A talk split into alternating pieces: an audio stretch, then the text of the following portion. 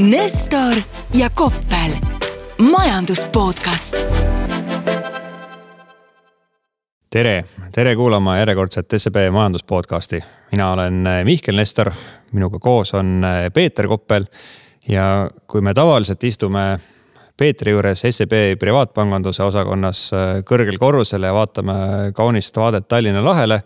siis äh, sellel korral lähme hoopis eetrisse sellises auväärses kohas, nagu seda on Estonia teater. ja noh, proosalisel põhjusel, et SEB privaatpanganduse osakond peab hoidma kümme protsenti aasta lõpuks eelarve pealt kokku ja siin laval tuled kogu aeg säravad, seal saab elektri kinni keerata.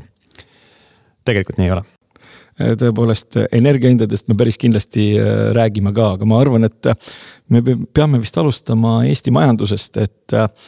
noh vähemalt äh, ma olen aru saanud, et ta siiski kasvab. aga see kasvamine on äh, eriti õnnetu ja põhimõtteliselt võib öelda, et kõik, mis toimub, toimub sellepärast, et rahamass on kasvanud. kas ma olen õigesti aru saanud? ja no sellest me räägime ka, aga me kõigepealt ikka peame nagu päriselt ära selgitama, et miks me siia Estonia teatrisse tulime no,. et SEB on olnud äh, pikaajaline Estonia teatri toetaja ja noh, ma ütlengi, et täna meil on nagu peaaegu sihuke nagu sisuturunduslik saade, et äh, tegelikult äh, on välja tulemas Estonia teatril äh, varsti-varsti Verdi ooper nimega Falstaff, mis kuuldavasti pidi tulema väga huvitav ja väga hea. ja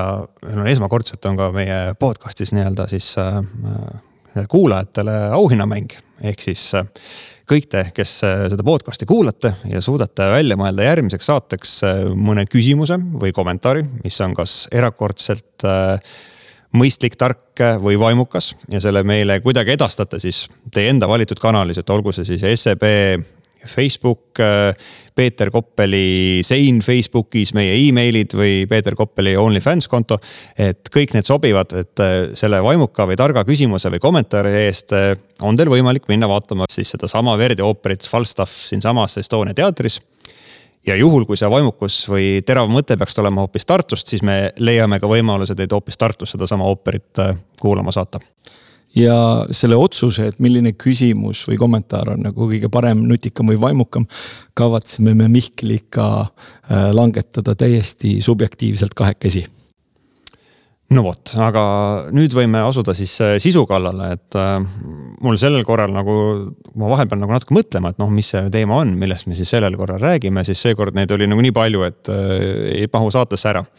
aga nagu kuidagi ei saa ümber siis sellest, et meil tuli värske majandusprognoos välja. Äh, tuli välja päev pärast seda Eesti skp statistika teise kvartali kohta, mis alati minu prognoosi ära rikub.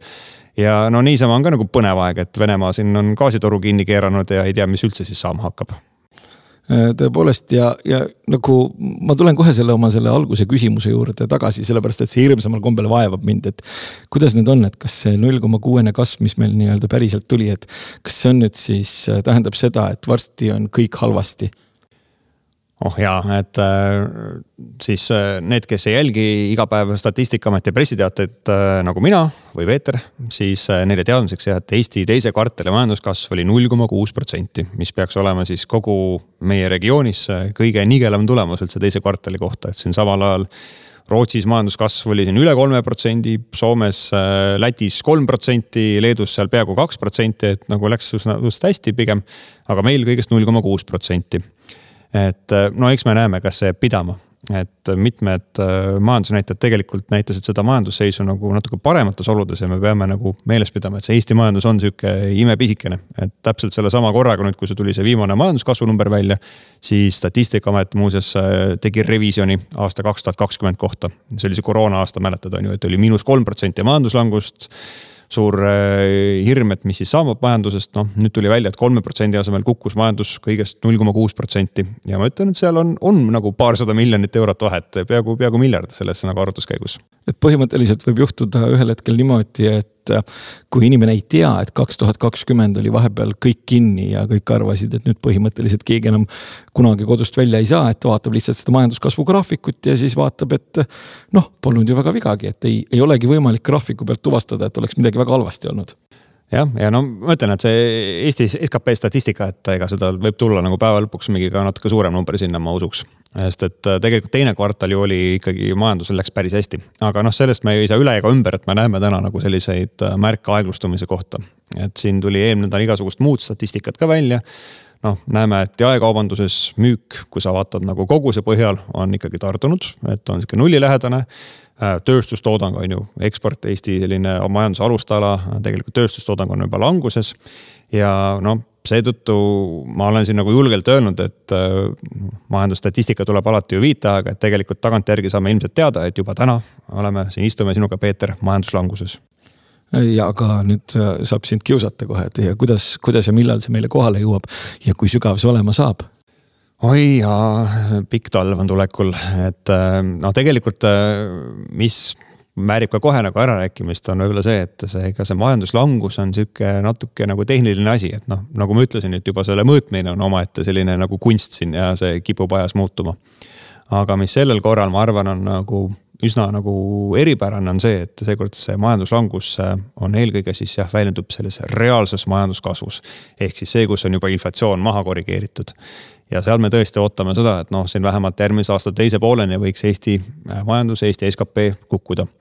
olla languses, noh kukkumine on jah, võib-olla ränk, aga languses. aga tegelikult, kui me räägime sellest nagu nominaalsest kasvust, on ju eurodest, et selles, ma ei tea, milles äh, mõni ettevõte oma nagu tulusid teenib, see, milles meile nagu palka makstakse, et selline kasv saab olema nagu suhteliselt kiire ehk siis äh, tegelikult hästi paljud inimesed ja ettevõtted, ma arvan, ei pruugigi nagu ülemäära märgata seda, et see majandus langeb kuhugi. et tegelikkuses ju noh, palk kasvab, äh, ettevõtte käive kasvab, et äh, pole nagu häda midagi no mulle ka tundub, et kui me räägime siin kahekümnest, kahekümne viiest protsendist inflatsioonist ja, ja sellises kontekstis null koma kuuesest majanduskasvust või isegi mõningasest langusest, siis see ei ole võib-olla nüüd nagu tõesti nii hull asi. aga noh, no ma hakkan mõtlema siin sellisele, sellele majanduslangusele ja sellele, sellele klassikalisele majandusreeglile majanduslanguste kohta, et olge valvel, ta tuleb talvel. et ja nagu sa juba mainisid, et pikk külm talv on tulekul, et tekib nagu kohe sihukene oluline küsimus, et noh, inimestel kulub rohkem raha elektri ja sooja peale ja siis neil kulub rohkem raha kütuse peale ja siis neil kulub rohkem raha toidu peale. aga kuidas selle tööpuudusega on, et kas tööpuudus hakkab äh, siis ka kuidagi nagu märkimisväärselt kasvama ja kas äh, need, kellel on hetkel äh, vähe raha, võivad ennast ühel hetkel avastada olukorrast, kus neil ei ole peaaegu üldse raha noh, kõigepealt mulle tundub, et äh, täna seda inimest ei ole Eestis ega maailmas olemas, kes ütleks, et kui palju siis hakkab Eesti majapidamistel talvel elektri ja toasooja peale raha kuluma. sest et see energia hind meil siin iga päev hüppab nagu eri suunas. samas on, on ju riik välja tulemas mingisuguste kompensatsioonimehhanismidega, et äh, no eks me näeme aga tööturu poole pealt jah, et äh, noh, vaatasin sinna kristallkuuli sisse ja ikka jube keeruline oli, et igasuguseid neid tarokaarte viskas välja ja mingit kahtlast elektrit. et äh, tööturu poole pealt, et kui mõelda nagu sellele praegusele seisule Eesti majanduses on ju, siis äh, noh võiks olla nagu tegelikult suurepärane töötaja vaatevinklist. et tööhõive ülikõrge võrreldes Eesti ajalooga, võrreldes ka teiste Euroopa riikidega, noh kui ma siin teise kvartali kohta mäletan, et äh, kas Eesti oli Euroopa Liidu riikide seas tööhõivelt teisel kohal või midagi sellist, no ühesõnaga super hästi. samal ajal palgakasv on ju, on siin äh, veelgi kasvanud. et äh, kui vanasti sihuke ütleme seitse-kaheksa protsenti aastas oli keskmine palgakasv, et noh, nüüd ta oli siin statistikaameti andmetel üle kümne protsendi teises kvartalis, kui vaatad maksuameti andmeid, siis isegi natuke rohkem et suurepärane seis ja nüüd hakkad mõtlema, noh, tuleb see külm talv, hakkab majandus langema, et mis siis saama hakkab Äh, minu pakkumine esmane oleks see, et tegelikult midagi hullu ei juhtu, et siin koroona ajal mõned olid sellised, äh, inglise keeles on see termin äh, trigger happy. ehk siis natuke liiga varmad sinna päästikule vajutama, et koondasid töötajaid väga kiiresti, sest et noh, kohe tulid tagasi mingi kaks tuhat kaheksa aasta õudsad nagu mälestused sellest, mis siis juhtuma hakkas. Aga tegelikult tuli välja, et noh, näed sa, oli mingi majanduslangus jah, aga suurt mõju ei omanudki, et liiga varakult seda tehti ja noh, pärast siis oli suured raskused, et kus sa neid töötajaid leiad ehk siis äh, niikaua, kuni ettevõtetel nagu päriselt häda käes ei ole, mina arvaks, et äh, midagi väga ette ei võeta. ehk siis äh, tööhõive jääb suhteliselt kõrgeks äh,. palgakasv jääb suhteliselt kiireks aga teisalt, kui sa võtad selle vastuargumendi sinna, siis äh, jällegi võrreldes teiste riikidega, Eesti tööturg on olnud selline ülikiire reageerija sellele, kui nagu majanduses midagi muutub. et tegelikult äh, noh, meil läheb, kui läheb eluolu nagu paremaks, hästi kiiresti inimesed saavad tagasi tööle, aga jällegi nagu majanduslanguste ajal ka väga ruttu tegelikult kiputakse nagu inimesi lahti laskma, et selline väga paindlik tööturg on see vist seal Euroopa Liidu ametlikes dokumentides see termin. et äh, selle poolest on nagu põnev näha, aga noh, kui ma peaksin nagu panema siin mingi kihlveo tegema, siis minu tänane peamine panus on see, et ikka midagi väga hullu ei juhtu no siin on äh, sellest tööturu paindlikkusest rääkida, siis sellel teemal saab loomulikult nalja visata, sellepärast et mina leian näiteks, et see on positiivne, et Äh, tööturg on paindlik, ehk siis. sul jäi majandust... töökoht alles pärast eelmist saadet muidugi, see on hea. ja vot see oli jah tõesti natukene ja ei olnudki mingisuguseid huvitavaid äh, kommentaare sealt äh, kaugemalt äh,. kuigi teisalt see, see näitab vist jäikust jah, et paindlik oleks siis, kui sa oleksid saanud nagu ametis priiks, aga palun jätka. jah, aga ei, selles mõttes lihtsalt, et äh, noh, kui majandus tõusma hakkab, siis inimesed saavad kiirelt tööle tagasi. ja kui majandus langeb, siis jah, tõepoolest tööpuudus kasvab, sest äh, see on selline ameerikalik lähenemine, sellepärast et Euroopa on ju selline tore koht, kus, äh, kui majandus langeb, siis äh, töökohast jäetakse ilma võib-olla natukene väiksema äh, tõenäosusega, aga kui majandus taastub, siis ega seda töökohta nagu tagasi ei kiputa saama. nii et see tööturu paindlikkus tegelikult lõppkokkuvõttes võib isegi olla hea asi. aga mis puudutab seda, ütleme sellist noh, tulekul olevat talve ja seda sa mainisid juba, et, et, et siin oli äh, palgakasv, eks ole, mingisugune ligi üksteist protsenti. inflatsioon kakskümmend protsenti ja noh, selle kohta ma olen juba kuulnud selliseid äh, üpris huvitavaid ja ma isegi ütleksin, et nutuse häälega antud signaale raadiost, et viimati nagu selline reaalpalga langus oli eelmise suure kriisi ajal, et kuidas sa seda kommenteeriks, et kas nüüd on kõik tõesti nii halvasti äh, nagu need nutuse häälega tegelased raadios ütlesid? vist ei ole või? No tead, see nagu selle poolest, ega neil on ju täiesti õigus, et kui sa matemaatiliselt nüüd lahutad äh, inflatsioonist palgakasvu või vastupidi, õigemini, siis äh, see number, mis sealt tuleb, on nagu negatiivne, eks. et see justkui tähendaks seda, et äh, tegelikult peab kuskilt hakkama kokku hoidma ja noh, mul on tunne, et me näeme siin ikkagi midagi sellist nagu siin lähikuudel juba juhtumas ka, et kui vaadata näiteks andmeid siis selle kohta, et mis teevad eraisikute hoiused pankades, siis see on hakanud juba siin kuu kuurluses langema. ehk siis tegelikult on mindud vähemalt mingi hulga majapidamiste poolt säästude kallale aga noh, jällegi selles olukorras, kus midagi nagu väga dramaatilist ei juhtu, siis nagu inimestele ikka üldiselt kokkuhoid ei meeldi nagu üldse, et äh, olgu need äh, sellised äh, rohelised seisukohad mis tahes, et hakkame kõik vähem tarbima koos, et noh, päriselt selliseid inimesi ei eksisteeri, et kõigile meeldib tarbida vähemalt sama palju, kui nad eile tarbisid ja tegelikult on ju, oleks hea, kui kümme protsenti rohkem. ehk siis äh, neoliberaal siin äh, noogutab nagu rahulolevalt ja nõus sellega taustaks, aga jah, et ma selle poolest arvan jah, et kui midagi väga hullu nagu tööturul ei juhtu ja noh, tegelikult täna säästud on hästi kõrged, et kui sa vaatad nagu majapidamiste säästusid ja noh, mitte ainult siis see, et äh, siin mingisuguste jõukate inimeste säästud, vaid ka täiesti tavalised nagu Eesti pered, et nende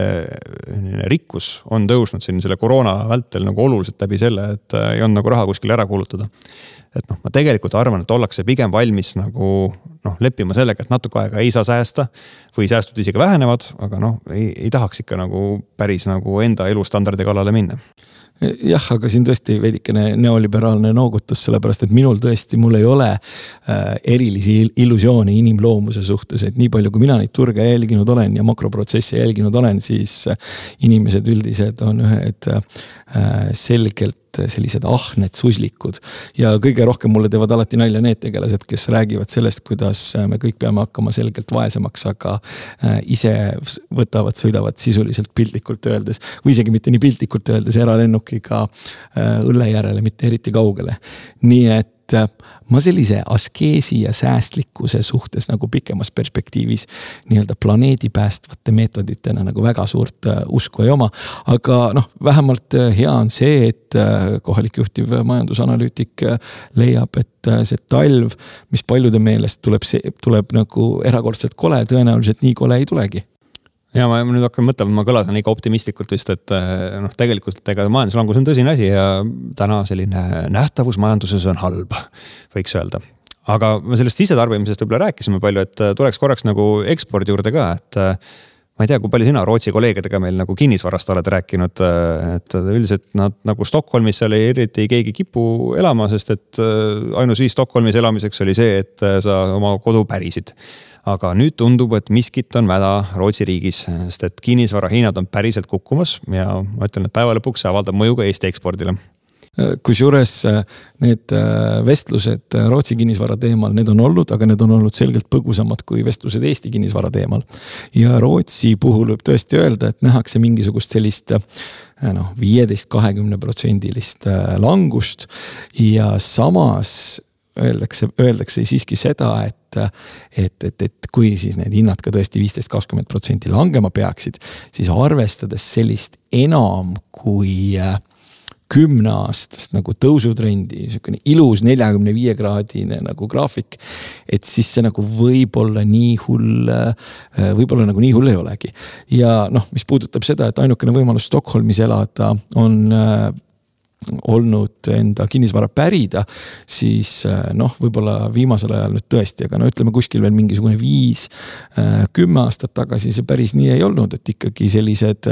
kõrgemasse keskklassi kuuluvad äh, valgekraelised spetsialistid üht-teist said endale lubada ja tänasel päeval tõepoolest valgekraelised kõrgemasse keskklassi kuuluvad spetsialistid enam endale üht-teist lubada ei saa, võib-olla saavad ainult lubada üht ja see on Stockholmi kesklinnast ikka ikkagi juba suhteliselt kaugel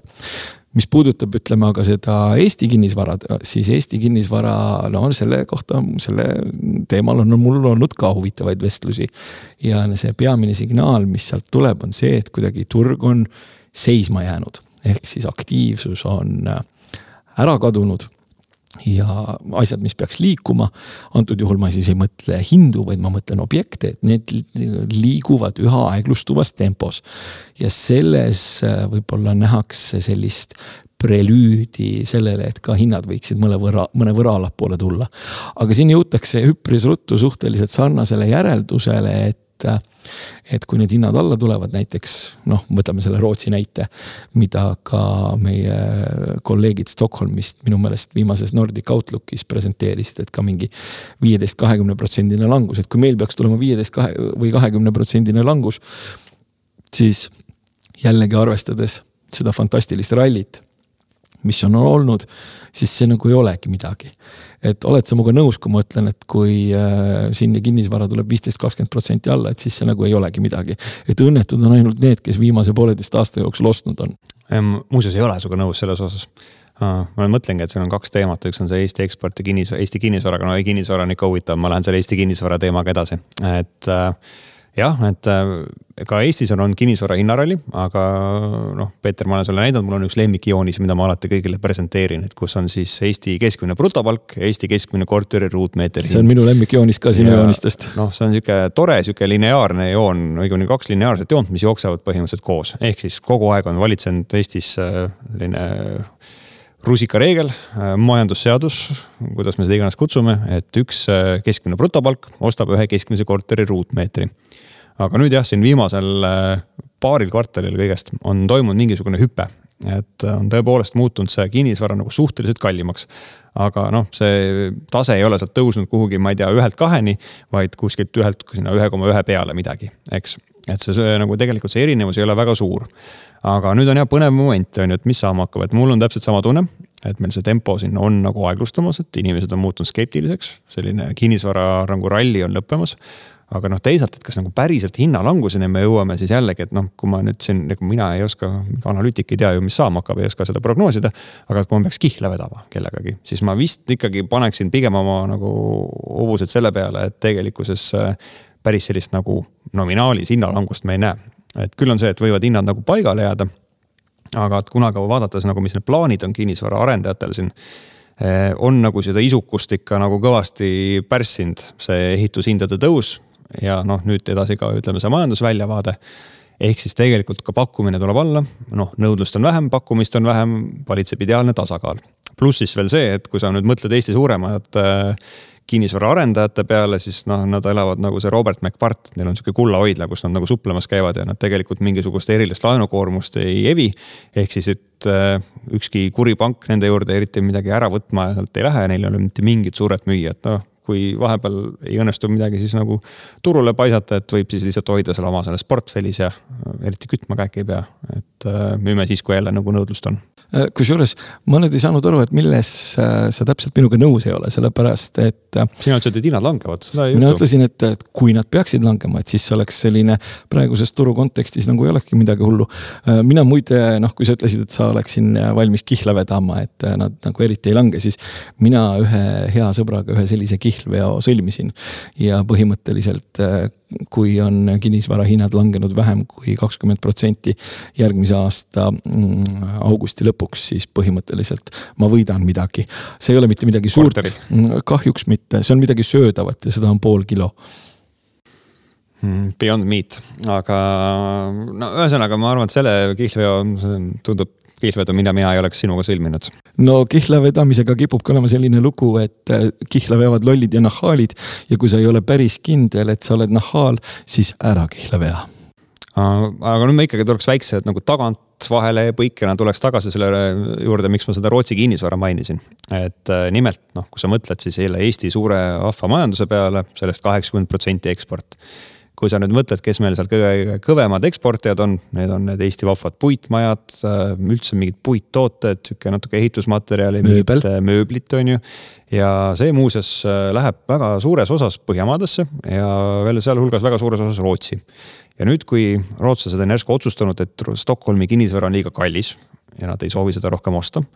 selle peale on muutunud ettevaatlikuks ka Rootsi arendajad, ehk siis on oluliselt vähenenud uute nagu ehitusprojektide alustamine ja eelkõige veel siis nagu nende uute ehitusprojektide esitamine. ja kui vaadata seda lähemat aastat-kahte, siis mulle tundub, et seal Rootsi kinnisvaraturul on väga vaikne ja keegi varsti enam seda Eesti mingisugust prussi, puitmaja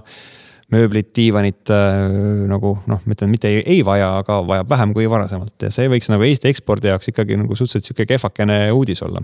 aga kui suure osa see moodustab meie nii-öelda sellest ekspordist? kõik need huvitavad asjad, mida sa kirjeldasid, et alates mööblist kuni kummalise kujuga tehasemajani no ma ei ole nagu päris nagu tükkhaaval nagu üle lugenud, aga noh, näiteks seesama Rootsi, kelle puhul ma ütleks, et see on selline domineeriv äh, valdkond, mis meile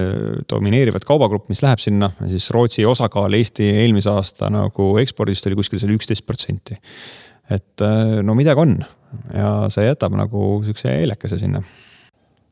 kas ka siis, kui see hinnalangus peatub kahekümne protsendi juures? No vot, selle ehitusturuga on see häda ka ju, et ta on selline nagu aeglane, et äh, ei, mõtlen majal nagu massi on, et äh, kui seal pidurdama hakkab, et läheb natuke aega, aga uuesti nagu hoo käima saamine võtab samamoodi aega. et äh, seetõttu võiks ka arvata jah, et see lähemalt sihuke võib-olla kaks aastat on sihuke nagu keeruline periood. ja noh, muuseas ka mu Eesti ehituse jaoks, et noh, näeme samamoodi, et Eestis on need ehituslubade arv nagu vähenenud Eesti SKP-st siin ehitussektor kuskil sihuke kuus-seitse protsenti andnud, et äh, kuna ka riik on siin kõvasti ambitsiooni vähendanud igasuguste uute infraprojektidega alustamiseks, et noh, ka Eesti puhul ma ütlen, et see ehituse nagu negatiivne panus majanduskasvu saab olema ikkagi äh, märkimisväärne. no aga selles mõttes nüüd jälle võib-olla tuleb lihtsalt küsida, et kui tõsine see pill on, mis pikk peale pärast pikka ilu tuleb, sellepärast et ilu on olnud pehmelt öeldes pikk ja pidu on olnud ikkagi väga korralik jah, ja no ma ütlen, see kõik lõppude lõpuks on ju taandubki sellele, et äh, mis siis saab Euroopast ja Euroopa tulevik sõltub sellest, et mis saab energiast, et äh, siin äh, päevakest paar tagasi venelased keerasid gaasitoru kinni, Nord Stream ühe, mis Euroopasse tuleb ja noh, nüüd on sihuke suur küsimärk. et kas see toruk avaneb või ta ei avane ja mis mõju see Euroopa majandusele avaldab, et küsiksin, et Peeter Koppeli isiklik seisukoht no minu isiklik seisukoht on muidugi see, et ma tahaksin hirmsamal kombel hakata jaurama sellisel teemal, et võib-olla äh, tuumajaamade sulgemine keset energiakriisi ei ole nagu tore idee või siis äh, tuletaksin meelde ühte huvitavat oranžisoenguga Ameerika onu, kes äh, ÜRO Peaassambleel rääkis äh, sakslastele, et kuulge, et äh, kui te oskate nagu äh, ehitate oma majanduse üles gaasile ja ostate selle gaasi põhimõtteliselt vaenlase käest, et siis te istute nagu suhteliselt suure riski otsas. et ma tahaks sellel teemal hakata hirmsamal kombel jaurama. aga see on selline tak-, takkajärgi tarkus ja sellest ei ole mitte midagi kasu. kasu on võib-olla sellest, et kui nüüd hakata nüüd vaatama, et kuidas selle gaasiga, mis sinna Saksamaale läheb, et kuidas siis sellega ikkagi tegelikult on ja paistab, et seda ikkagi on, sellepärast et gaasivarud kipuvad äh, olema seal sakslastel juba kuskil sellise kümne aasta keskmise juures aga kui ma vaatasin viimati oli vist kaheksakümmend viis protsenti nendest hoidlatest on täis jah? kaheksakümmend viis protsenti hoidlatest on täis ja nüüd on siis küsimus selles, et kui palju sellest hirmuäratavast agressorriigist äh,. mida ma ütlen täiesti ilma igasuguse irooniata, et kui palju sealt gaasi tuleb, et kui, kui sealt gaasi tuleb nii-öelda natukene, ütleme circa kakskümmend protsenti sellest mahust, mis tavaliselt, siis äh, ei olegi liiga suurt draamat, siis sakslased elavad äh, talve üle ja siis ütleme kõik need, kes äh, peavad seda väikest vastikut eks-KGB-ti kohutavaks, äh, kohutavalt äh, nagu geniaalseks strateegiks, kes on mõelnud välja, kuidas on võimalik Euroopat igavesti ja lõplikult pitsitada, siis see saab ilmselt ühel hetkel päris suure üllatuse osaliseks. niimoodi, nimelt turumajandus ja kapitalism kipuvad toimima ja lihtsalt suudetakse välja mõelda, et kuskohast tulevad siis nii-öelda asendused sellele gaasile, mis muidu nii-öelda Venemaalt äh, tuleb, ehk siis ütleme nii, et äh, mulle tundub, et kui me vaatame neid gaasihindu praegu ja vaatame neid äh, siis nii-öelda eelkõige Saksamaal, siis kuidas, kui täis need balloonid parajasti on, siis sellist nagu võib-olla mõne nädala tagust paanikat, kus kõik äh, leidsid, et, et, et Saksamaal tegelikult kogu tööstus jääb seisma. ja, ja talvel mitte midagi ei toimu, puhub ainult tuul ja inimesed vaatavad külma, külmas toas nagu seda, et telekas näidatakse kolmekümne kuuendat korda kaheksakümne teise aasta seriaali Šimanski. et äh, selline asi ilmselt äh, jääb ära probleemid on siis, kui Venemaalt üldse midagi ei tule, kui Venemaalt natukene tuleb, ütleme kuskil viiendik äh, sellest, mis tavaliselt, siis saab olema raske, aga mitte siis nii-öelda võimatu. teine asi, mis võib-olla on ka hästi oluline, on see, et kui nüüd vaadata sellist üldist pilti Euroopas, siis äh, noh, ühest küljest tahaks kohe vaadata, eks ole, Saksamaad, Saksamaa, kes on